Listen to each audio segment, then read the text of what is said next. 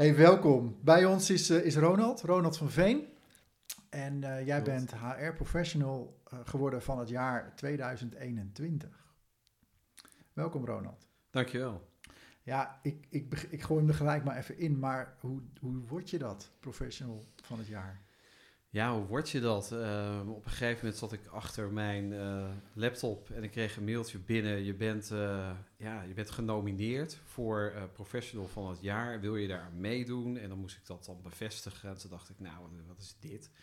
Weet je, dus, nou, dus heb ik opgereplied. En twee weken later kreeg ik nog zo'n mail. Dus ik was door twee mensen genomineerd. Uh, ja, dus ergens heeft er op de site van uh, Visma een aankondiging gestaan van uh, we zijn bezig met het zoeken naar de professional van 2021 en daarvoor kunt u mensen nomineren. Het was, het was langs mij heen gegaan. Wij, hebben, wij zijn afnemer van de, de software van Visma. Ja. maar ik zit niet dagelijks op LinkedIn of zo, dus ik had dat gemist dat je iemand kon nomineren. Maar ik werd door twee mensen genomineerd, dus hoe leuk is dat? Ja, en toen begon dat circus. Maar dus, uh, dus je, bent, je, je moest dus echt genomineerd worden. Ja. Nou, weet je dan ook door wie dat dan is? Of, uh, of is dat ja, een groot ik geheim? weet, ja. nee, dat is geen groot geheim. Ik wist door wie ik genomineerd werd. Het was één uh, collega vanuit Cerelo, een medewerker die ik begeleid heb in zijn loopbaantraject. En die had daar ook een heel verhaaltje bij gezet, want er werd ook een verhaaltje bij verteld. Dat heb ik later pas gelezen. Dus het was hartstikke leuk om dat te lezen, dat je iemand goed in beweging hebt kunnen zetten in zijn zoektocht, in zijn, zijn carrière.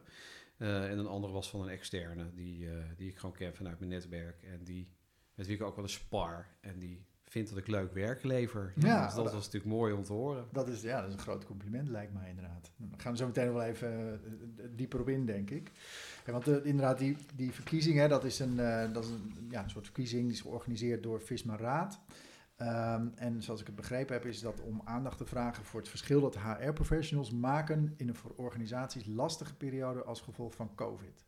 Yes. Dat is uh, volgens mij de volzin, hè? Die, uh, ja. Ja, oké. Okay, ja.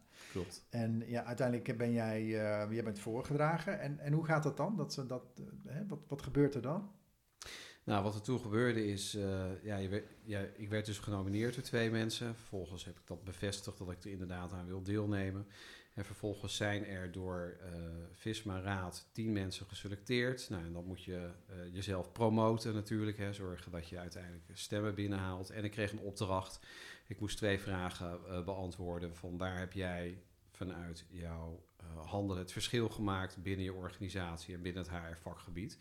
En daar heb ik twee voorbeelden gegeven van wat ik gedaan heb. En dus de een soort van jury heeft toen bepaald wie er van die tien mensen uiteindelijk doorgingen. Dat werden er vijf. En toen uh, ja, moest je daar weer stemmen over ophalen. En heeft uh, de HR-directeur van uh, Visma Raad uiteindelijk bepaald aan de hand van het aantal stemmen en aan de inzending wie nou ja, de professional werd. En dat werd ik. Dat was jij gewoon. Hoe leuk is ja. dat? Ja, ja, want ik zag inderdaad dat onder andere Marco Winkel, hè, die is van Visma. En ik zag ook Lilian Beuken, die ken ik toevallig, van Mondriaan. HR-manager volgens mij bij uh, een Limburgse. Um, en um, die, uh, die zaten in de vakjury. En heb je die mensen dan ook gesproken? Of uh, moest je daar een presentatie nee. voor doen? Of? Nee, het was natuurlijk ook gewoon nog steeds coronatijd. Dus ik zat gewoon thuis tijdens die uitreiking. En ik kreeg daar tijdens die uitzending wel vragen op mij, uh, mij afgevuurd. Maar het was nog steeds uh, coronatijd. Dus uh, ja, het was in mijn uppie thuis. Ik had wel twee vrienden op de bank zitten, ja. dus dat was natuurlijk wel fijn. Die hebben het confetti-kanonnen over me afgeschoten. maar ik heb ze dus niet persoonlijk ontmoet. Dat, nee. uh, oh, jammer. Ja, dat vond ik ja. op zich wel jammer, maar ja, dat was ook gewoon nog de gegeven situatie. Ja, ja ik ben nog wel even benieuwd. Hè, die, uh, wat je zegt, ik kreeg twee vragen. Welke twee vragen voorgelegd? Wel, weet je nog welke vragen dat waren? Um, ik kreeg een vraag voorgelegd van waarin heb je uh, het verschil uh, gemaakt binnen de HR-dienstverlening, ook tijdens de coronaperiode. Die vraag kreeg ik voorgelegd. En uh, ja, ik moest wat gegevens invullen. Ja. Uh, maar ik dacht, ja, één vraag vond ik te weinig. Dus ik heb gewoon twee voorbeelden beschreven. Uh, ik heb in 2021 heb ik veel mobiliteitstrajecten gehad. dus we hebben binnen Cerelo hebben wij verschillende typen dienstverlening, waar ook veel in het sociale domein. Dus dat betekent dat de financieringstromen vanuit de gemeente gaan. Nou ja, de gemeente geeft steeds minder geld. Ja. En daardoor zeiden wij, ja, wij kunnen de kwaliteit van dienstverlening bieden die, die wij uh, voorstaan. Dus dat betekent dat je bepaalde producten gaat stoppen. Nou, ze hadden mij een logeerhuis in Nunspeet, waar uh, wij zijn een uh, stichting met cliëntenpopulatie die verstandelijke beperking hebben. Nou, daar hebben we een logeerhuis in Nijkerk. Daar krijgen we vanuit de gemeente financiering voor. Zodat ouders die kinderen met een beperking hebben in het weekend. Uh, het zijn natuurlijk geen leuke verhalen, want je gaat iets sluiten. Hè? Uh, maar uh, ja, dus, dus we hadden een, locatie die dichtging. En ik wilde wel die medewerkers behouden voor onze organisatie. We weten allemaal dat arbeidsmarktproblematiek de grootste is. En zeker in de gezondheidszorg. Dus ik heb, het waren 15 werknemers, die heb ik begeleid van werk naar werk. Dus dat voorbeeld heb ik beschreven. En ik heb een voorbeeld beschreven van hoe ik in uh, zeg maar coronatijd echt buiten mijn eigen vakgebied, dus echt buiten de lijntjes heb gekleurd. Want ja, we hadden zoveel uitval uh, van corona onder zorgpersoneel, dat we ook gewoon locaties hadden waar we terug moesten naar basiszorg leveren. Ja, en dat is gewoon lastig als je cliënten hebt die natuurlijk wel uh, zorg moeten krijgen. Dus op een gegeven moment heb ik gezegd, ja, ik mag dan wel geen zorg verlenen. Ik ben van huis uit arbeids- en organisatiepsycholoog. Maar ik kan wel uh, zorgen dat onze cliënten eten krijgen, dat de keuken schoon is en dat de hand- en spandiensten gedaan worden. Dus ik heb gewoon. Dus je bent gewoon de werkvloer opgedoken? Ik ben de werkvloer opgedoken. Ja, maar ja. doe je dat anders niet? Nee, doorgaans doen, we, doen we dat niet. Um, soms kom ik natuurlijk wel op locaties omdat ik gesprekken met managers heb en met medewerkers zelf. Hè. Dus meestal, uh, van huis uit ben ik een adviseur, dus ik geef leidinggevende advies, ik geef mm-hmm. werknemers advies. Dus ik kom wel eens op locatie, maar een HR-adviseur doet niet de zorgdienstverlening. Dat is echt uh, uitbesteed, ook vanwege kwalificaties, gewoon aan gekwalificeerd en goed geschoold personeel. Ja. Ja, maar ik kan me dan wel voorstellen dat je dat toch nog wel regelmatig even een rondje loopt en uh, eens kijken wat er speelt en, en gebeurt. Um, dat zou heel uh, logisch zijn als, we, als ik op een instellingsterrein zou werken. Maar ja. de dienstverlening die ik bied binnen de regio waar ik werk loopt van Utrecht tot en met Urk. Ja, voor jullie ja. dus even omgekeerd. ja, precies. dus dat is toch wel een geografisch gebied en dat is dan natuurlijk gelijk ook de uitdaging. Ja. Uh, ik woon in Ermelo waar een groot zorgpark zit van Cerelo. Maar dat is niet uh, de regio die ik bedien. Okay. Ik zit eigenlijk in een wat meer ambulantere regio. Dus dat is echt mensen die gewoon in een woonwijk wonen. Dus, dan, uh, dus dat is echt even anders. Dus ik kom niet heel vaak op locaties. Nee. Vind je dat en, niet jammer? Uh, ja, ik vond dat, vond dat ook echt jammer. Dus ik, ik was ook al bezig om een loop, uh, zeg maar, om weer eens een keer echt een meeloopdag te plannen. Hè. Ja. Dus, maar ja, toen kwam corona. Ik ben 2,5 jaar geleden begonnen bij Cerelo. Dus, ehm, dus ja, er mocht natuurlijk niks. Locaties waren zo ongeveer verboden terrein. En we hebben natuurlijk veel geleerd in die periode. En ja, langzaam gaat de wereld, uh, ging de wereld weer wat meer open. Maar uh, ja, je hebt wel te, te, te, dealen met een kwetsbare populatie cliënten. Ja. ja. Dus we, ja, dit vond ik op een gegeven moment, kregen wij vanuit, uh, nou, vanuit de lijn de vraag, breng in kaart welk personeel van onze stafmedewerkers een zorgachtergrond hebben zodat, uh, nou ja, zodat we die extra kunnen gaan inzetten. Toen zei ik, ja, ik heb er wel geen zorgachtergrond, maar waarom mag ik dan niet? Ja. Hè? Dus, ja, um, nou, dus heb ik gewoon een manager gebeld en gezegd, joh, jij hebt een locatie in Putten bij mij om de hoek. Daar ga ik helpen. Ja, gaaf. En we gaan het regelen. Heb ik gakballen zitten draaien. Ja, nou, dat, dus met, dat, met die uitspraak dat vond de jury ook super leuk. Dat ja. ik in ieder geval gakballen kon draaien. Natuurlijk ook wel meer in het leven. Maar het ging even om het verschil. Hè? Dat je vanuit een professionele setting waar je adviseur bent, gewoon de werkvloer opgaat. En, uh, ja, ja, gewoon kijken wat er moet gebeuren in feite. Gewoon kijken ja. wat er moet gebeuren. ik vond het machtig mooi. Ja. Ja. dat kan me wel voorstellen. Ja, dus jij zegt uh, uh, buiten de lijntjes. Nou, gehaktballen draaien. Ja, oké. Okay. Het is niet standaard werk voor een HR-professional, denk ik. maar, ja. ja. Is, dat, is dat dan ook iets wat je, wat je gaat blijven doen, denk je? Nou, de, die vraag kreeg ik, uh, kreeg ik uh, ook tijdens een ander interview. Um, ik ben samen met uh, een andere collega verantwoordelijk voor de PNO-dienstverlening binnen onze regio. En zij heeft ook op een andere locatie gewerkt. En we zijn wel aan het kijken van, het, het is gewoon mooi als je verbinding hebt met de werkvloer. Ja. He, want ik kwam in gesprek met werknemers, nou die zeiden echt, nou er komt echt nooit iemand van het management bij ons een keer meedraaien. Weet je, dus het, het leidde tot hele mooie gesprekken. Maar, en dat gaf mij ook weer heel veel informatie over nou, hoe, hoe voelen werknemers zich daadwerkelijk, uh, hè, zeker in een spannende tijd als, uh, als COVID-19. Ja, dus het, het creëerde ook tot een, uh, het leidde tot een mooie verbinding. En dat vond ik wel uh, ontzettend gaaf om, om te zien. En het is ook gewoon praktisch. Ik kon simpele vragen stellen aan werknemers. Hoe kijk je hier tegenaan en hoe kijk je daar tegenaan? En, en er ontstond een dialoog die je eigenlijk doorgaans niet zo snel krijgt. Nee, want je zit in je hokje natuurlijk, hè? Ja. zeg maar, of je kamer of wat, hè, wat dan ook is. Maar uh, ja, die zit vaak ergens bij de directie natuurlijk, of op een aparte vleugel uh, waar, waar alle stafpersoneel zit. Ja. En dan opeens zie je, spreek je de, de mensen van de werkvloer. Ja. Ja. Ja, nou was ik met onze ondernemersraad al wel bezig om wat meer participatietrajecten op te zetten. Hè, zodat we echt ook aan werknemers goed kunnen vragen: wat vind je belangrijk in deze ontwikkeling en hoe kijk je ernaar? Ja, dus ehm, ja, het werkt wel drempelverlagend. En dat is denk ik waar het over gaat in deze tijd. Hoe zorg je dat je een natuurlijke verbinding hebt met werknemers? En uh, ja, dus ik vond het machtig mooi om te doen. Ja. En kennelijk is er een verwachting, dat vind ik wel opvallend, wat je net zei. Uh, dat medewerkers zelf zeggen, waarom draaien ze nooit mee? Kennelijk is er van onderaf, zeg maar, een verwachting dat jullie af en toe eens meedraaien op de werkvloer. Ja. Dat, nou heb ik ook wel echt managers die gewoon af en toe ook mee eten met de groepen. En dan zijn natuurlijk ook wel werknemers aanwezig. Dus ik denk dat het wel af en toe gebeurt. Maar in dit geval was het gewoon echt de handen uit de mouwen steken. Ja, en weet je, in, het was toevallig in de kerstperiode waarin het voor mij uh, wat minder druk is. Dus ik dacht, ja, ik ga gewoon de handen uit de mouwen steken. Ja, en dat zichtbaar maken is denk ik voor werknemers wel echt interessant. Uh, ik heb hiervoor ook gewerkt bij een, uh, bij een verpleging- en verzorgingsinstelling, ICADE was dat. Oh. En daar ben ik gewoon met een wijkverpleegkundige een keer mee de wijk ingegaan. Dus het principe van meelopen, dat heb ik zelf altijd wel heel belangrijk gevonden. Maar ja, het moet natuurlijk wel lukken. Ja, dus, um, dus ja, dat, dat leidt gewoon tot mooie gesprekken, maar ook echt zicht op hoe hun vak is en hoe zij werken. En dat is gewoon weer waardevolle informatie als je kijkt naar um, mobiliteitsgesprekken voor medewerkers, zodat ik echt weet waar, wil je, waar word jij nou warm van binnen je werk. En ik, ik krijg daardoor een veel beter zicht op wat zich afspeelt binnen hun vakgebied. en dat maakt het makkelijker praten. Ja, ja, ik kan me voorstellen. Ja, en ook hè, als je, weet ik veel, als er een vacature tekst gemaakt moet worden, dat je hem nog even kunt scannen van nou, klopt dit wel? Hè? Dat je ook echt begrijpt wat het is. Hè? Dus dat, je, dat het niet vol staat van de, nou ja, zeg maar de competentieclichés. Maar, hè, maar dat je bij wijze van spreken een dag kunt beschrijven hè, uit het leven van een, van een, een zorgprofessional. Ja. En dat weet je natuurlijk niet als je, als je in je, in je hok zit. En, uh, en dat geldt natuurlijk voor alle HR-professionals, denk ik. Tuurlijk. Hè? Ja. Ja. Ja. ja, het is wel grappig, want ik heb... Um, ik, ik heb zeg maar 16.000 uh, HR-professionals als klant uh, gehad de afgelopen jaren.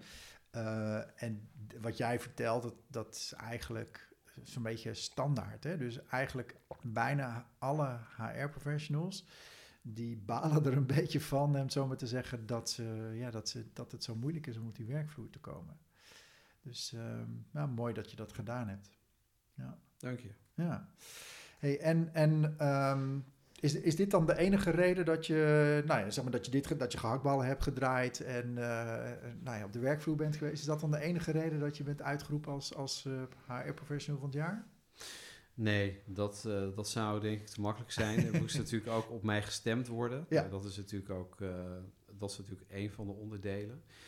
En ja, weet je, in deze tijd zorgen dat je je je arbeidsmarktpotentieel probeert te behouden en echt zorgt dat je dus die mobiliteit gewoon goed uh, bewerkstelligt. En dus, ja, wat heb ik daarin gedaan? Dat is continu de verbinding zoeken met die werknemer, de gesprekken voeren, open en transparant zijn. Deze locatie gaat dicht, maar ik begeleid je van werk naar werk.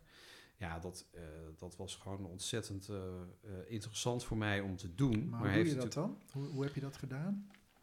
En hoe ik dat gedaan heb, is door eerst ehm, dus op een gegeven moment weet je dat een locatie gaat sluiten, dus je weet een datum. Hè? Dus en daarvoor heb ik een traject van negen maanden met die werknemer opgelopen. En heb ik dus vooral echt gewoon goed gevraagd, waar heb je behoefte aan? Waar uh, liggen jouw krachten, je kwaliteiten? Dus ik heb een soort van mobiliteitsregistratie uh, gemaakt en vervolgens uh, die werknemer gekoppeld aan onze recruiters. En kijken waar kunnen we zorgen dat we deze persoon het beste een plekje geven. Ja. Dus echt proberen je arbeidsmarktpotentieel te behouden. Dat is in deze tijd natuurlijk echt een van de meest belangrijke dingen. Maar wel binnen Cerelo of zeg maar ook binnen extern. Binnen Cerelo, maar ook extern. Dus het is niet alleen maar uh, intern gebeurd, maar ik heb ook echt meegedacht naar kunnen we je ook naar buiten bewegen en hoe, wat is dan voor jou van belang? Ja. Ja, ja en, en is bij jullie, wat, als ik zeg maar de zorgorganisaties uh, van de afgelopen jaren een beetje bekijk, hè, zeg maar drie, vier jaar, vijf jaar terug, waren er vaak nog, uh, nou ja, ontslagronde na ontslagronde. En nu is dat eigenlijk helemaal omgedraaid, hè? Dus dat er bijna geen personeel meer te vinden is. En dat je, nou ja, even los van zeg maar, problemen als verzuim en uh, dat soort dingen, maar dat je, ja, dat je gewoon schreeuwend tekort hebt aan mensen. Is dat, speelt dat bij jullie dan ook? Um, ik denk dat het iets meer speelt in de Randstad. Ik ben het nu wel aan het merken. Okay. en uh, nou, wij hebben verschillende interventies ingezet om uh, vooral aan de preventieve kant van verzuim te blijven. Hè, dus te ja. zorgen dat die medewerker goed in balans is. Ja, dus ik was aan het koersen op een verzuimpercentage van 6% en toen ontplofte het. Omhoog of omlaag? Nou ja, toen ging het omhoog. Ja. in coronatijd bedoel je? Ja, of? ja in coronatijd. Dus ik zit nu zo ongeveer op de 10% in mijn regio. Dat, dat is, is echt fors. Ja, dat is enorm. Dat is echt, uh, ja, en dat, ja dat, dat is gewoon enorm lastig om van daaruit weer uh, terug te komen in een goede balans. Ja, ja. en wat, wat doe je eraan? Wat... Uh... Uh, wat, wat wij daaraan doen is, uh, wij hebben ook een soort van uh, laagdrempelig coachingstraject opgezet voor werknemers, zodat ze vijf gesprekken kunnen krijgen met een coach. dus ook als je nog niet in verzuim zit en je hebt vraagstukken, dan kunnen onze werknemers met een coach het gesprek aangaan. Het ja. bedrijf is, zijn wachtlijsten in, in de psychische begeleidingssfeer zijn heel hoog. Nou, ja. dat hebben we bij dit bedrijf niet, dus we betaalden er wel flink voor. Maar het werkt wel. Ja. En wat werkte dan? Hè? Dus dat medewerkers voelen zich sneller gehoord, goed snel begeleid, goed behandeld. En, uh, en dat helpt in die uh, preventieve aanpak. Ja. En dat, uh, ja, daar waren wij goed mee op weg. En toen kwam corona. Toen kwam, ja, ja. ja, maar de, ja, goed, je, ja. Dan, dan zit je natuurlijk met een ander soort verzuim ineens. Hè? Dus Precies. daarvoor had je zeg maar waarschijnlijk een lage meldingsfrequentie en veel lange uitval. En nu was het juist een hoge meldingsfrequentie en veel korte uitval. Kort, dus klopt. Ja. Ander soort verzuim is dat. Ja. Waar wel mee te dealen, maar ja, dan ga je makkelijk van, uh, van 6 naar 10 natuurlijk. Ja. Ja, en hoe is dat nu? Is dat weer genormaliseerd? Nou, het is weer aan het normaliseren. Ja. Dus en dat betekent, uh, ik heb dan een collega die echt reïntegratiespecialist is. Die doet vooral de be begeleidingstrajecten in het verzuim. En uh, nou, dus we merken dat, dat het tij weer aan het keren is. En dat is fijn. Maar goed, je hebt natuurlijk ook uh, mensen die echt wel een lange periode zijn uitgevallen. Hè? Dus die long-covid-periode ja. uh, is natuurlijk ook niet echt helpend geweest in dit geheel. Nee, nee, nee zeker niet inderdaad. hey, um, iets over jouzelf dan gewoon. Yes. Je, je werkt in HR, maar ik, zat, ik heb natuurlijk even op LinkedIn gekeken, maar je doet nog heel veel andere dingen. Je, je bent reis tour, tourleider, geloof ik. En um, je zit in de politiek, als ik het goed begrepen heb. Je geeft ja. les. Nee, ik geef geen les meer. Oh, geen les meer, oké. Okay. Nee. Ja, ik ben een uh, druk beestje. Ja, blijkbaar. Ja, ik, heb, uh, ik ben ooit tijdens mijn studie begonnen als, uh, als vrijwillig reisleider. Dus en dan ga ik met een groep jongeren mee op pad. Dus die ontmoet ik op Schiphol en dan trekken we ergens naar een leuk land toe. Dat heb ik de afgelopen vijf jaar niet gedaan. Dus, ja, maar ik ben Madeira, nog steeds... Madeira was 2017, ja. ja. ja. ja. Ja, mooi. Ja. Ja, fantastisch. Maar ook, ik zag ook Swaziland, China, Zuid-Afrika, ja. Andorra. Nou, pff, bizar. Ik heb de hele wereld uh, over gereisd. Ik heb nog niet al... Nou, nee, ik heb alleen Oceanië nog niet gehad als continent. Dus, wow. uh, dus maar als rei, ja, reisleider ben je dan? Of wat ben je dan? Hoe ja, je, dat, uh, je bent de host op, uh, op locatie. Hè? Ja. Dus meestal doe ik actieve rondreizen. Dus je werkt dan vaak samen met een lokale gids ja. in een land ter plekke. dus bijvoorbeeld in China heb ik meestal ook nog wel een lokale adviseur. Dat moet in sommige landen ook. Vooral in China is dat natuurlijk niet altijd even makkelijk. Maar dan reis ik van stad naar stad. Dus ik had daar echt meer de koningssteden gedaan. Dus ja. dan kom je in Beijing, Xi'an, Shanghai, Hangzhou. En dan dus ja, doe je verschillende activiteiten. Gaaf. Ja. En kan je dat dan ook weer gebruiken in je werk als een HR-professional? Ja, je moet wel een beetje organisatorisch talent hebben. Ja. En dat vind ik juist wel ontzettend leuk. En ja, dat kan ik dus. Ik gebruik dat organisatorische talent ook wel in mijn vakgebied. En dat ik doorzie snel analytische structuren. Ja, dus ik, uh, de, ja, dat vind ik ook leuk. En ik vind het leuk om die systemische taal achter uh, P&O ook gewoon goed te snappen. Wat bedoel je daarmee? Wat ik daarmee, uh, wat ik daarmee bedoel is, nou, soms een werknemer heeft een contractwijziging. Of je moet een werknemer aanmelden in een digitaal systeem. Want anders rooit er nooit, nooit een salarisstrook uit. Want alles is digitaal tegenwoordig. ja. En uh, dat daar bepaalde tijdslots in zitten. Ja, weet ik heb ooit ook uh, op een salarisadministratie gewerkt, dus ik weet precies hoe dat werkt. Maar en zeker ook als je in moeilijke trajecten zit met werknemers, juridische trajecten, hè, als er een beëindigingsovereenkomst gesloten wordt, ja, dan heb je bepaalde handelingen die gewoon gedaan moeten worden. Ja. Nou, alle, niet alle managers is dat dagelijkse kost, dus die snappen dat vaak niet. Nee, die ontzorg jij dan. En die ontzorg ik dan in de zin van, daar moet je op letten, dat is een belangrijk moment en dat is een belangrijk moment. En zorg dat je het op tijd gedaan hebt. Ja. Ja, en ik controleer het dan ook. Dat is misschien een beetje pietluttig af en toe. Maar dat helpt wel in het afrondingstraject als je in moeilijke gesprekken zit. Ja, en kunnen, uh, lukt dat met managers? Kunnen managers dat? Wat, uh, wat jij ze zeg maar zo'n beetje zo voorkoudt? Uh, sommige managers kunnen daar heel erg goed tegen. Ja. Die zien dat echt als nou ja, behulpzaam zijn. Sommigen vinden het ook betutteling. Ja, ja. ja dit is het politiek antwoord. Hè? Je, je, je, zit ook in de politiek, dus ja, ja, ja oké. Klopt, maar het is wel de realiteit. Ja. De een vindt het betuttelend en de ander vindt het ontzorgend. Ja, ja gaaf. En, en, maar goed, van al die dingen die je doet, is uiteindelijk, neem ik aan, HR toch wel een beetje de, de hoofdmoot. HR, ja, ik noem het ook altijd, ik ben echt een mensenmens, is wel de hoofdmoot. Daar ben ik het meeste mee bezig. Ja. dus dat is ook gewoon een betaalde baan. Politiek is gewoon, je, je krijgt een onkostenvergoeding en uh, that's it. Ja. Ja. Ja, en, en reizen, dat is, dan, is dat ook betaald of is dat, uh, is dat ook... Voor mij wordt, uh, wordt alles uh, vergoed. Dus, gratis vakantie. Maar, gratis, nou ja. Het vlogger af alle letteren ben je eigenlijk. Ja, ja, dus, ja, precies. Ik ben zo'n vlogger af alle letteren. Oh, dat vind ik wel een mooie term. Die ga ik even onthouden, dankjewel. ja, gratis vakantie, zo zou ik het niet willen noemen. Want ik heb ooit in Andorra, heb ik tijdens een canyoning, had ik, dat is wel een leuk verhaal trouwens had ik uh, een van mijn deelnemers die uh, luisterde niet goed naar de instructie, maar het was de hoogste sprong. Dus zij brak haar enkel, maar ik was drie anderen uit uh, de kloof aan het begeleiden, want die vonden het allemaal te eng. Ja. Dus, maar ja, degene die haar enkel brak was ook spoedeisende hulpverpleegkundige. Oh. dus die wist precies waar ze aan toe was. Ja. En toen moest dat hele traject nog geregeld worden. Dus ik zat met haar in het ziekenhuis. En toen uh, zei ze, nou, ik doe even mijn eigen triage. Oftewel inschatten ja. hoe erg ik ben. Ja. Nou, we zitten hier wel vier uur. Die vier uur hebben we ook echt volgemaakt, hoor. Kan ik je vertellen. Oh. Dus het is niet altijd gratis vakantie. Het is ook Nee. gewoon echt de host zijn en zorgen dat de deelnemer van A tot Z gewoon goed begeleid wordt. Je moet soms hard werken, begrijp ik. Zeker. Ja, ja maar, Maar wel, daar ben ik niet vies van. Nee, ja, wel gaaf toch? Ik bedoel, je, Zeker. Je ziet wel heel veel en uh, ja, lijkt me wel leerzaam.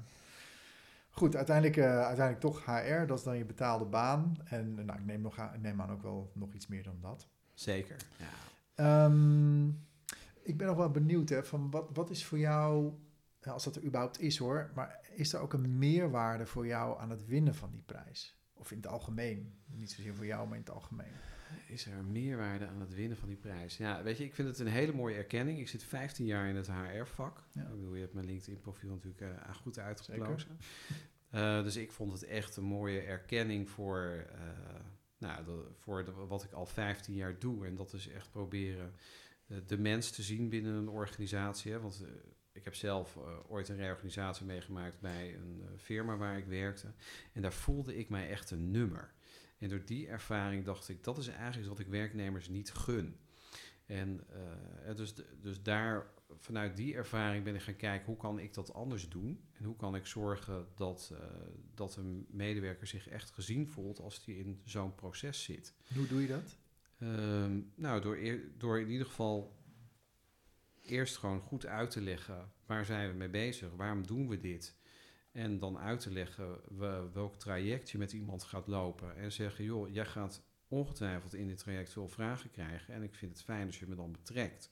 Zodat ik jou in dit proces gewoon goed kan helpen. Tot uh, de werkplek waar je dan weer van waarde kunt zijn. Mensen willen in deze tijd allemaal van waarde zijn. Ja. Dat is waar het over gaat, denk ik. Ja, nee, dat denk ik ook inderdaad. Dus is er voor mij een meerwaarde van het winnen van die prijs? Nou, ik denk, ja, eigenlijk dus wel. Omdat ik daarin wel de beloning zie voor hoe ik gewerkt heb. En dat ja, heeft zich uitbetaald in uh, Zo'n bokaal. Ja, maar heb je een bokaal gekregen? Ja. Gevuld met champagne? Of, uh, Nou, dat, uh, dat niet. Moet je zelf doen. er zaten wat gaten in, Oh. hè, dus het is een soort van vlamachtig iets. Dus die champagne die zou er gewoon doorheen vallen. Oh ja, ah, jammer. Nou ja, maar er zat wel een klein ja. flesje Prosecco bij, dus ik... eh, Oh, niks te klagen. Niks te klagen. Nee, Nee. leuk. En, en ehm, oké, dus eh, dat, dat is zeg maar de meerwaarde voor jou. En, en eh, mag je dan het hele jaar mee pronken of zo? Of wat heb je, kan je er nog iets mee verder? Nou, ik word dus gevraagd voor, eh, voor interviews, Ja. dus kan je er wat mee, zeker. Ik, bedoel, ik zit nu ook bij jullie eh, eh, in deze podcast, dus dat is natuurlijk, dus dat is natuurlijk al leuk. Ehm, ja, weet je, ik realiseer mij ook dat... eh, dus de, de vorige winnaar van 2020 was ook in de vorige uitzending. Die zei, ja, je wordt echt overspoeld door, door uitnodigingen voor interviews. Nou, dat vond ik een beetje meevallen. Dus, eh, maar ik realiseer me ook dat, dat die prijs precies viel in de tijd dat de Oekraïne-oorlog net aan het Ja. uitbreken was. Ja, begin van het jaar, hè? was en het, dat ja. is, eh, ja, 15 maart was eh, de uitreiking. Dus we zitten ook in een ander, heel andere dynamiek in de samenleving.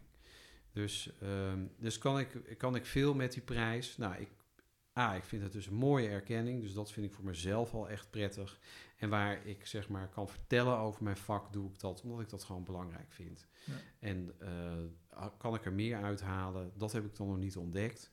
Maar het is niet dat ik deze prijs nu gebruik om er zelf beter van te worden. Ik wil dat het vakgebied gezien en erkend wordt. Hè, want vaak merk ik dat, eh, dat er ook wel een soort van ja, toch wel negatief imago om het vakgebied heen hangt. Hè. Je kunt jezelf een duizend en één dingen doekje noemen of het afvoerputje van de organisatie. Eh, maar dat zijn allemaal de negatieve kanten. Hè. Voor mij gaat het er vooral om, eh, zie je de mens in de organisatie die gewoon van waarde wil zijn en werk wil, eh, gewoon goed werk wil leveren. Oké, dus er zit een stukje... Nou ja, hè, dus inderdaad, iedereen vindt iets van de HR. Ja. Eh, hè, dat is ook volgens mij ook gewoon een lastig vak. Tenminste, de HR-professionals die ik spreek, die zie ik wel elke dag worstelen en hoor ik elke dag worstelen. En dit, dit kan helpen om dat dan op een andere manier eh, ja, onder, de, onder de aandacht te brengen. Ja. ja. En wat kunnen andere mensen dan van jou leren? Wat, bedoel, wat, wat, wat zijn zeg maar, dingen die jij tijdens dit traject hebt geleerd, dat je denkt, oh ja, dat, dat wil ik echt meegeven aan, aan andere HR-professionals?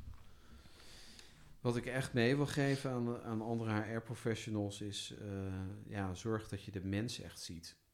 En daar, wat bedoel ik daar dan mee? Zorg dat je die verbinding legt, dat je het gesprek aangaat en echt luistert naar iemand. En luisteren kan ook betekenen dat je tegen iemand een keer nee zegt. Hè? Want dat is, eh, mensen zeggen vaak, je luistert niet naar mij. Dat merk ik ook vaak in de politiek. Mhm. Maar vaak heb ik wel geluisterd, alleen heb ik niet het antwoord gegeven wat jij wilt horen. Mhm. En duidelijk zijn, hè, dat is ook wat ik steeds binnen mijn organisatie merk. Ik ben gewoon duidelijk. Ja. En dat is wat ik echt mensen wil mee. Ga niet pappen en nat houden. Hè, dus ik kom af en toe wel trajecten tegen waar merknemers al heel lang in een soort van ja, lastige kwestie met die manager zitten. En dan denk ik, ja, je bent gewoon zelf niet duidelijk geweest. Ja. Weet je, mensen hebben behoefte aan duidelijkheid. Dus eerlijk zijn, duidelijk zijn, openheid eh, geven en eh, de verbinding zoeken. Verbinding klinkt al zo, vaag, maar daarmee bedoel ik, ga het gesprek met een werknemer aan en probeer de beweegreden van iemand te achterhalen. Waarom die nou, iets gedaan heeft wat niet mag, of waarom die juist bezig is met ik wil eh, een ander carrièrepad. En zorg dat je gewoon het- dat gesprek aangaat. Komen mensen ook echt bij jou, ja, bij jou op bezoek, zeg maar, daarvoor? Dus dit, dit, dit, is allemaal één op één, denk ik. Dit kan niet, eh, tele, tenminste, lijkt me lastig om dit per brief of per telefoon te doen. Nee, ja, eh, zeker als ik eh, medewerkers in een, in een mobiliteitstraject gebruik, dan besteed ik daar echt tijd en Ja. aandacht aan. En dan Ja. wil ik ze ook gewoon live zien. Hè, dus wat ik ook geleerd heb in coronatijd, is, is dat ik heb één manager gehad die ja, wilde een functioneringstraject starten met een werknemer. En die had mij even digitaal uitgenodigd om daarbij aanwezig te zijn. En toen belde ik hem op en toen zei ik, ik zit op jouw locatie in, eh, in plaats X. En waar ben jij? Ja, ik ben onderweg naar huis, we doen het digitaal. Nou, dat heb ik toen gedaan en toen zei ik, dit doe ik nooit weer. Nee. Want ik mis dan de verbinding en ehm, ja, dus dat, dat vind ik voor zo'n medewerker ook gewoon niet fijn. Dus, eh, dus dat zijn wel dingen die ik zelf in deze tijd ook geleerd heb. Niet alles kan digitaal. Nee, heel veel dingen kunnen niet digitaal zelfs, denk ik. Hè? Dat, uh, en, en um, wat klinkt zo mooi, hè? Ja, eerlijk zijn, duidelijk zijn, open zijn, uh, verbinding zoeken, niet pappen en nat houden. Maar kan je een voorbeeld noemen? Um, een voorbeeld van pappen en nat houden, bijvoorbeeld als dingen niet bespreekbaar maken. Mm -hmm. Dus het maar vermijden. Ja. dus de, een werknemer die zich bijvoorbeeld niet helemaal comfortabel voelt binnen het team en een manager die dat niet voldoende aanpakt. Ja, dat, dat noem ik uh, met pappen en nat houden. Ja. Maar betrek je altijd de manager erbij of neem je het ook wel eens over? Uh, in essentie is de, is de manager natuurlijk de lijn verantwoordelijk. Hè? Ik ja. merk wel vaak dat managers zeggen: kun jij, het niet even, kun jij dit niet even doen? Ja, jij kan ze goed praten. Nou, dat heb ja. ik een keer uh, gezegd. Toen zei ik: prima, dan krijg je ook de helft van jouw salaris. oh ja, het was snel afgelopen. Ja. Ja, want weet je, dat, dat, dat vind ik echt te makkelijk. Ja. Bedoel je dat dan met, want ik uh, hoorde jou eerder zeggen, het afvoerputje, HR is het afvoerputje. Bedoel je, is dat een voorbeeld daarvan? Ja, dat vind ik wel echt een voorbeeld daarvan. Zo van, nou, het is een werknemer, dus we masseren dat even mooi naar HR en die kan het dan wel even oplossen. Ja. Ja, HR wordt natuurlijk vaak gebruikt, slash misbruikt, om, uh, om uh, ellende op te lossen van de manager. Hè? Dus je, ja. het, dat worden ook wel eens Sinterklaasbazen genoemd. die is uh, ook leuk. Ja, dus dat is niet mijn term, maar voor een van mijn klanten die dat gebruikt. En Sinterklaasbazen, dus die is er wel als er iets leuks, hè, een promotie of een salarisverhoging of een feestje, dan zijn ze er. Maar zo gauw het moeilijk wordt, dan, ja, dan zijn ze verdwenen en dan mag HR het doen. Dus ja. ja. Ja, dat, dat afvoerputje, hè, want dat is natuurlijk, dat is, ja, het is gewoon een cruciaal punt. Uh, hè, dat is heel herkenbaar. Ja, ik zou bijna zeggen, ik hoor het elke dag. Uh, sterker nog, ik ben een boek aan het schrijven, dat gaat er misschien stiekem wel over. Nou, leuke Van, titel misschien. Uh, ja, ik noem ik, zo word je HR-adviseur met ballen, gaat het boek heten. Dus, maar dat is de positieve connotatie, zeg ja. maar. Um, en dat gaat heel erg over, ja, hoe komt het nou dat HR zich in zo'n hoekje laat drukken? Hè, dus uh, uh, hoe komt het nou dat ze, ja, ze zich laten gebruiken als afvoerputje? Hè, dus voor de, voor de nare dingen. Hè. Dus wel de Sinterklaasbazen, maar niet de vervelende dingen. Uh, maar dat, ligt, dat kan je zeggen, dan kan je de schuld geven aan de manager. Hè, dat is een rotbaas en hè, nou, dus gewoon, die moet gewoon zijn ding doen. Maar het werkt natuurlijk twee kanten uit. Jij als HR-professional hebt ook daarin een bepaalde rol. Nou, jij hebt die blijkbaar gevonden. Hè? Dus jij hebt, je bent heel ad rem Um, en, jij zegt gewoon, nou dat is prima, maar dan wil ik wel de helft van jouw salaris. Uh, maar als je, dat, als je nou niet zo ad rem bent, hoe kan je dan toch jouw grenzen bewaken? Um, ja, dat is echt een, dat is een hele goede vraag. Um, waar ik denk waar het, waar het over gaat is, wat is je, je rol en, de positie die je inneemt binnen uh, de organisatie waar je, waar je werkt. En wij hebben vanuit, uh, hè, dus ik heb uh, 40 collega HR-adviseurs, Cereloos, grote zorgorganisatie, het gaat over 16.500 werknemers. Ja, dus we hebben 40 adviseurs. Um, en we hebben op een gegeven moment met elkaar echt gesprekken gehad over wat is nou je rol als HR-adviseur. Dat hebben we op meerdere thema's hebben wij dat met elkaar uh, behandeld en, en besproken. En het is dan ook een kwestie van je daaraan houden. En je niet laten verleiden en uit te leggen, joh, dit is mijn rol. En jij hebt een andere rol als manager en die moet je gewoon uh, uitvoeren. Maar kunnen al jouw collega's dat? Kunnen die dat zo? Het is een heel mooi verwoord, hè? Ja. Kunnen ze dat? Want ze zijn hiërarchisch, staan ze natuurlijk ja, niet boven en misschien ook wel niet eens naast de persoon. Ja, als ik de gouden toverformule had, dan had, uh, had jij minder voer voor je boek gehad, uh, ja. denk ik. ja. um, dus kunnen ze dat? Ik denk dat HR-adviseurs zijn heel gauw dienstbaar. Ja. Hè? En daar zit denk ik ook een beetje de crux. Hoe zorg je dat je en dienstbaar blijft, maar ook trouw blijft aan jezelf? Hè, want volgens mij is dat de vraag waar het, waar het hier over gaat. En dat, um, ja, dat, ik denk dat veel van mijn collega's echt worstelen met, met die vraagstuk: ben ik wel voldoende dienstbaar als ik hier nee tegen zeg? Ja. ja. En um, ik denk dat het helpend is door. Uh, wij hebben ook intervisiegroepen met elkaar waar we dit soort dingen juist ook met elkaar bespreekbaar maken. Hoe doe jij dat dan? Hoe kan ik van jou leren? En dat is wat ik mijn collega's in het werkveld gun. Dat je gewoon met een groepje van vijf mensen Ja. dit soort casuïstieken ook bespreekt. Je hebt intervisie met jouw zorg, eh, met jouw HR-collega's, zeg Ja. maar. Ja, Ja, Oh en die werken dan in andere regio's. Hè. Dus ik heb met een collega uit Den Helder, één uit Groningen. Dus, dat, hè, dus we zitten wel wat verder bij elkaar vandaan. En dat Ja. helpt juist ook. Ja. Omdat je dan niet de directe directeur kent voor wie ze werken of de managers waarvoor ze werken. En dat ja, helpt ontzettend. Ja, oh, dat kan me wel voorstellen inderdaad. Ja, dat is mooi. Ja, dus intervisie is echt wel een middel wat je daarvoor zou kunnen gebruiken om je, nou ja, zeg maar je casus of je eigen, hè, de- hoe jij in de dingen staat op tafel te leggen, waarbij iemand anders dan gaat aangeven, nou, zo doe ik het. Ja, zo doe ik het. Maar ook dat andere mensen even van buitenaf erop reflecteren. En je dan dus ook, omdat je in een wat vertrouwdere setting zit, ook echt aanspreken op je eigen gedrag daarin. Ja. En dus als je gewoon een goede intervisiemethodiek gebruikt, dan is dat echt helpend. Ja, mooi. Ik, heb een andere, schiet me net te binnen, een andere klant, eh, Suzanne. Eh, en die mailde mij een paar dagen geleden van... ehm, ja, ik weet niet hoe het is met die HR-professionals, maar... eh, zou het nou anders zijn als... als hè, want het is natuurlijk, ja, volgens mij 80% is vrouw. ehm, hè, en ehm, dat, dat is gewoon een gegeven binnen, binnen HR. Maar die zei dus van, ja, zou het dan anders zijn als zeg maar 80% man was? Zou, zouden ze dan dezelfde problemen hebben? Ik vond dat een heel, echt super gaaf vraagstuk. Van, het is te makkelijk om te zeggen, ja, het is vrouw dus. Hè, die, hebben, ja, die, misschien wat minder, die zijn misschien van zichzelf wat meer dienstbaar. Of ze zijn, eh, mannen zijn wat, wat feller of eh, durven sneller van... Ik weet niet of dat zo is, hè, maar dat, dat was haar aanname. Wat, wat denk jij daarvan? Totaal niet woke, hè, dit stukje, maar dit mag Nee, mijn dit is, leeftijd. dit is totaal niet woke. Maar ik vind het wel een interessante kwestie. En ik, ik hoop ook dat je daar iets over schrijft in je boek dan. Want dat vind ik, dit vind ik nou juist echt leuke discussievraagstukken. Ja, ja. Hè, zou het anders zijn als de popu- populatie meer mannelijk georiënteerd is? Ja, ik heb echt ook hele zakelijke vrouwelijke collega's. Dus ja, ja weet je, ik kan niet één op één herleiden van het is beter als een, als een mannelijke populatie adviseurs zou zijn. Nee, dat, uh, ik heb daar zelf geen aanleiding toe om die, die aanname te bevestigen. Nee. Um, maar ik vind het wel een leuke vraag. Ja, nee, ik ook. Ik ben is, echt ik zou, ik, zou, ik zou wel eens, wel eens benieuwd naar zijn hoe dat, of daar een keer onderzoek naar gedaan is of wordt. Weet je, want dat maakt het natuurlijk wel. Uh, want dan gaat het over mannelijke kwaliteiten en over vrouwelijke kwaliteiten. En ik denk dat juist beide heel erg helpend kunnen zijn in Ja. een organisatie. Hè. Dus naast mij heb ik een vrouwelijke collega en dan merk je toch wel dat je samen een, een, een andere dynamiek kunt, uh, kunt bewerkstelligen. Ja, denk ik ook.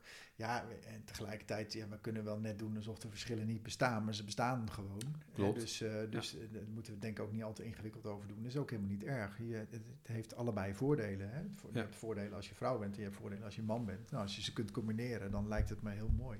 Maar ik vond, ik vond, ik vond echt een interessante vraag. Interessant vraagstuk ook. En uh, nou, je hebt helaas het antwoord ook niet. Dus, um... nee, dan hadden we samen een boek geschreven. Ja, precies. Ik, uh, ja. ja, dan waren we er ook niet uitgekomen. Want als nee. ze allebei het antwoord niet hebben. Maar wie weet, krijgen we het antwoord nog ergens. Um, en het zou mooi zijn als daar onderzoek naar gedaan wordt. Um, ik, ben, ik ben wel even benieuwd, hè? Uh, want je bent, wat zei je, 15 jaar actief in de HR. En gewoon nog even een paar, uh, paar vragen uh, ter afsluiting. Ik ben wel benieuwd of wat zeg maar de drie belangrijkste lessen uh, zijn geweest in die 15 jaar dat jij op het gebied van de HR actief bent. Eén Uh, belangrijke les is, ik ben ooit gestart op uh, de personeelsadministratie. Daar heb ik dus echt heel erg veel geleerd van de papieren kant. Ja. Uh, ik heb ook gewerkt op de salarisadministratie, dus ik heb ook heel veel geleerd van de verloningskant. En ik heb daar uiteindelijk zelf de menselijke kant echt aan toegevoegd. En dat zat vooral in de advieskant van mijn functies.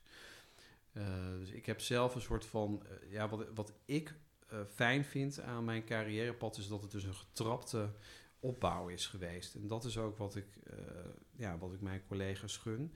Dat je gewoon ook echt weet waar je het over hebt, over je vakgebied. En dat is, dat is zo veelzijdig. Dat begint met een papieren arbeidsovereenkomst ja. tot en met een loonstrook. En daarin zitten zit al heel veel processen, zoals meer de administratieve kant. En dan is er ook nog die mens. Nou, dus ik heb echt, eh, dus een van mijn belangrijke lessen die ik geleerd heb, uh, is mijn start geweest. Dat ik echt op die papieren kant ben begonnen. Dus dat was les 1. Les 2, die ik, die ik ooit geleerd heb, is, is dat er een werknemer uh, fraude had gepleegd. En die had ik al een schriftelijke sanctie opgelegd. En toen kon ik die dus niet meer ontslaan. Dus toen heb ik echt de juridische kant van het vakgebied geleerd. en uh, toen dacht ik, oeh, dat was wel even iets. Dus toen dacht ik, ja, ik heb dus ook nog juridische kennis nodig om dit vak goed te kunnen snappen. Dus daar heb ik wel de, een, een harde les geleerd in de zin van. Uh, nou ja, zorg dat je weet waar je het over hebt. En dat je niet zomaar iets kunt doen wat. Uh, dus dit is wel echt even een pittige les die ik geleerd heb. Ja. Um, en uh, nou ja, echt de mens centraal stellen binnen het werk. Ja, dus ik heb, uh, ik heb ooit ook een keer een masterclass gehad van een hoogleraar van de Nijrode Universiteit. En daar leerde ik echt van dat zij had het over de werknemer 3.0. Nee. En uh, dus, dus op werknemer 1.0 is dus dat je leeft arbeid en er staat loon tegenover. Hè, dus dan gaat het meer over zingeving binnen, uh, uh, binnen de werknemerspopulatie. En eigenlijk is waar het dus, de les die ik geleerd heb, is waar het over gaat, dat iedereen eigenlijk waarde wil toevoegen op de plek waar die staat. En of dat nou de schoonmaakster is of de directeur, daar zit eigenlijk niet zoveel verschil tussen. Maar we willen allemaal waarde toevoegen en er zijn en iets kunnen betekenen. Van betekenis zijn, laat ik het maar zo zeggen. Dus dat was mijn derde belangrijke les die ik geleerd heb en die ik overal mee naartoe kan nemen. Ja, gaaf. Nou ja, dat is ook een hele mooie anekdote van, uh, volgens mij is dat Kennedy, hè, die uh, in 19, uh, weet ik veel, 67 of 68, heel lang geleden, de, de NASA bezocht. Uh, en daar trof hij een man in een blauw pak. En toen zei hij: Goh, wat doe jij dan de hele dag? Dus, nou, ik help mensen om naar de maan te komen. Uh, waarop hij vervolgens een emmer met sop pakte en de vloer verder ging soppen. Uh, maar hè, dus die man had toen al zo: ja, ik, ik, ben, ik, werk wel voor, ik werk gewoon voor de NASA. En ik help, doordat de vloer hier schoon is, kunnen mensen op de maan komen. Dat is natuurlijk prachtig, hè? Als je dat weet, weet te bewerkstelligen met nou, wie dan ook binnen je organisatie. Ja. Dus, ja, mooi. En ik snap alleen nog niet helemaal, wat is dan, wat is dan zeg maar de, hè, van de drie lessen. Dus die eerste les is, uh, is, is zeg maar dat administratieve... Uh, Getrapte opbouw in ja. carrière. Ja, ja. Wat, wat voegt dat dan toe, dat je dat kan of dat je dat weet? Wat heeft het voor jou toegevoegd? Uh, wat het voor mij heeft toegevoegd is dus dat ik... dat ik weet dat aan een vraagstuk vaak ook een administratieve component hangt en dat die vaak vergeten wordt. Mm-hmm. En vervolgens leidt dat weer tot gezeik. Ja. Omdat het niet goed is afgehecht. Dus, uh, dus ik hou ervan dat als je, nu, dat je, je hebt een kop en een staart in een vraagstuk. Ja. En beide dingen moet je gewoon goed afhandelen. Ja. En uh, dus, uh, dus voor mij is, is, is dat, dat wat ik vaak bij collega's merk, is dat er dan iets vergeten wordt in die keten van kop en staart. Ja, dus ik hou er echt van om dingen gewoon van begin tot eind af te maken. Oké, okay, dus helder. En die, die zeg maar juridische lessen, dat, uh, die hebben we natuurlijk allemaal een keer meegemaakt. Hè? Ja. Of dat is een bullebak van een manager zegt van nou, uh, eruit met die gast. Hè? En dat mag jij dan oplossen. een voorbeeld van een afvoerputje. Ja. Um, wat, is dan, wat is dan de les die je daarin geleerd hebt? Uh, de les die ik daarin geleerd heb is dat... Dus we hebben nu ook gewoon een arbeidsjurist op onze organisatie. Dus daar spar ik even mee en zeg ik: Dit is mijn denklijn. Vind jij die passend binnen onze context? En uh, zijn er nog dingen waar ik echt even. Uh, dus het benutten van hulpbronnen. Dat ja. is eigenlijk wat ik daarin geleerd heb. Ja, precies. En dat kan ik me voorstellen, hè? want je kan gewoon niet alles weten. Het nee. werkveld is zo belachelijk breed. Ik heb daar in de kast. Uh, het meest dikke boek ooit, de kanon van de HR. Ja. Ik heb hem nog nooit open gehad. uh, dus, uh, je bent maar, wel lekker eerlijk. Ja, nee, ja, ik heb nog nooit een boek over HR gelezen, maar dat, dat wil niet zeggen dat ik, dat ik er niks van weet. Maar dat, um, dat, dat, is niet normaal, zo breed als het vakgebied is. Ja. ja dus, dus, je kunt niet alles weten, maar benut je hulplijnen. Dus ja. dat is eigenlijk de les ja. die ik daarin uh, geleerd heb. Ja, slim denk ik. Mooi. Um, wat had je anders willen doen? Wat had je anders willen doen? Het klinkt te makkelijk om te zeggen, ja, eigenlijk is niks. Wat ik, nou, wat ik in mijn carrièrepad zie, is dat ik echt hou van een getrapte opbouw. Nou, dat, dat heb ik gedaan. Dus Ja. dat... eh, Maar wat is dan je volgende stap? Mijn volgende stap ehm, is dat ik, dat ik denk ik wel een keer ergens HR-directeur word. Ja. En dan dus van alles weet wat ik binnen het vakgebied heb meegemaakt. Van de administratie tot en met het strategische. Want ik zit nu veel meer op het strategische vlak dan dat ik in het begin zat. Ja. Ja. ja. Weet je ook al waar? Nee, daar Maar ben ik nog niet soort organisatie, wil je in de zorg blijven of wil je iets anders? Of? Ehm, ja, ik zit nu al bijna tien jaar in de zorg. Dus eh, ik denk dat het eh, een keer een switch is goed. Ja. Maar voor nu hoeft dat voor mij nog Nee. niet. Nee, Nee. Ehm, Hey, ik heb nog wel een vraag. Wat zou je, nu je ervaring in de zorg hebt en eh, eh, in zijn algemeenheid kijkt naar de problematiek eh, in de zorg, hè, regeldruk, eh, wat, wat zou je de politiek daarin willen adviseren? Ik denk dat je het eh, in je vraagstelling ook al zegt, de regeldruk. Als Ja. ik zie hoe, ehm, hoeveel administratieve druk er binnen de zorg is en verantwoording eh, die we overal moeten afleggen. Ik noem het altijd de veramerikanisering van de zorg. Ehm, ja, dat, het, het lijkt alsof er bijna geen mens meer is die zorg krijgt. Maar dat het dossiertje allemaal op orde moet zijn. Ja. Natuurlijk moet dat binnen het HR-vakgebied ook altijd, hè, zeggen HR-adviseurs. Het personeelsdossier moet op orde zijn. Ehm, maar de, dat is denk ik wat ik de politiek zou willen meegeven. Zien wij nog de mens binnen de zorg of zien wij de administratie binnen de zorg? en, en wat betekent dat? Wat, wat zou, je, zou er iets anders moeten kunnen? Ehm, ik denk dat we eh, in coronatijd ook heel veel geleerd hebben dat eh, het ook wel wat anders kon.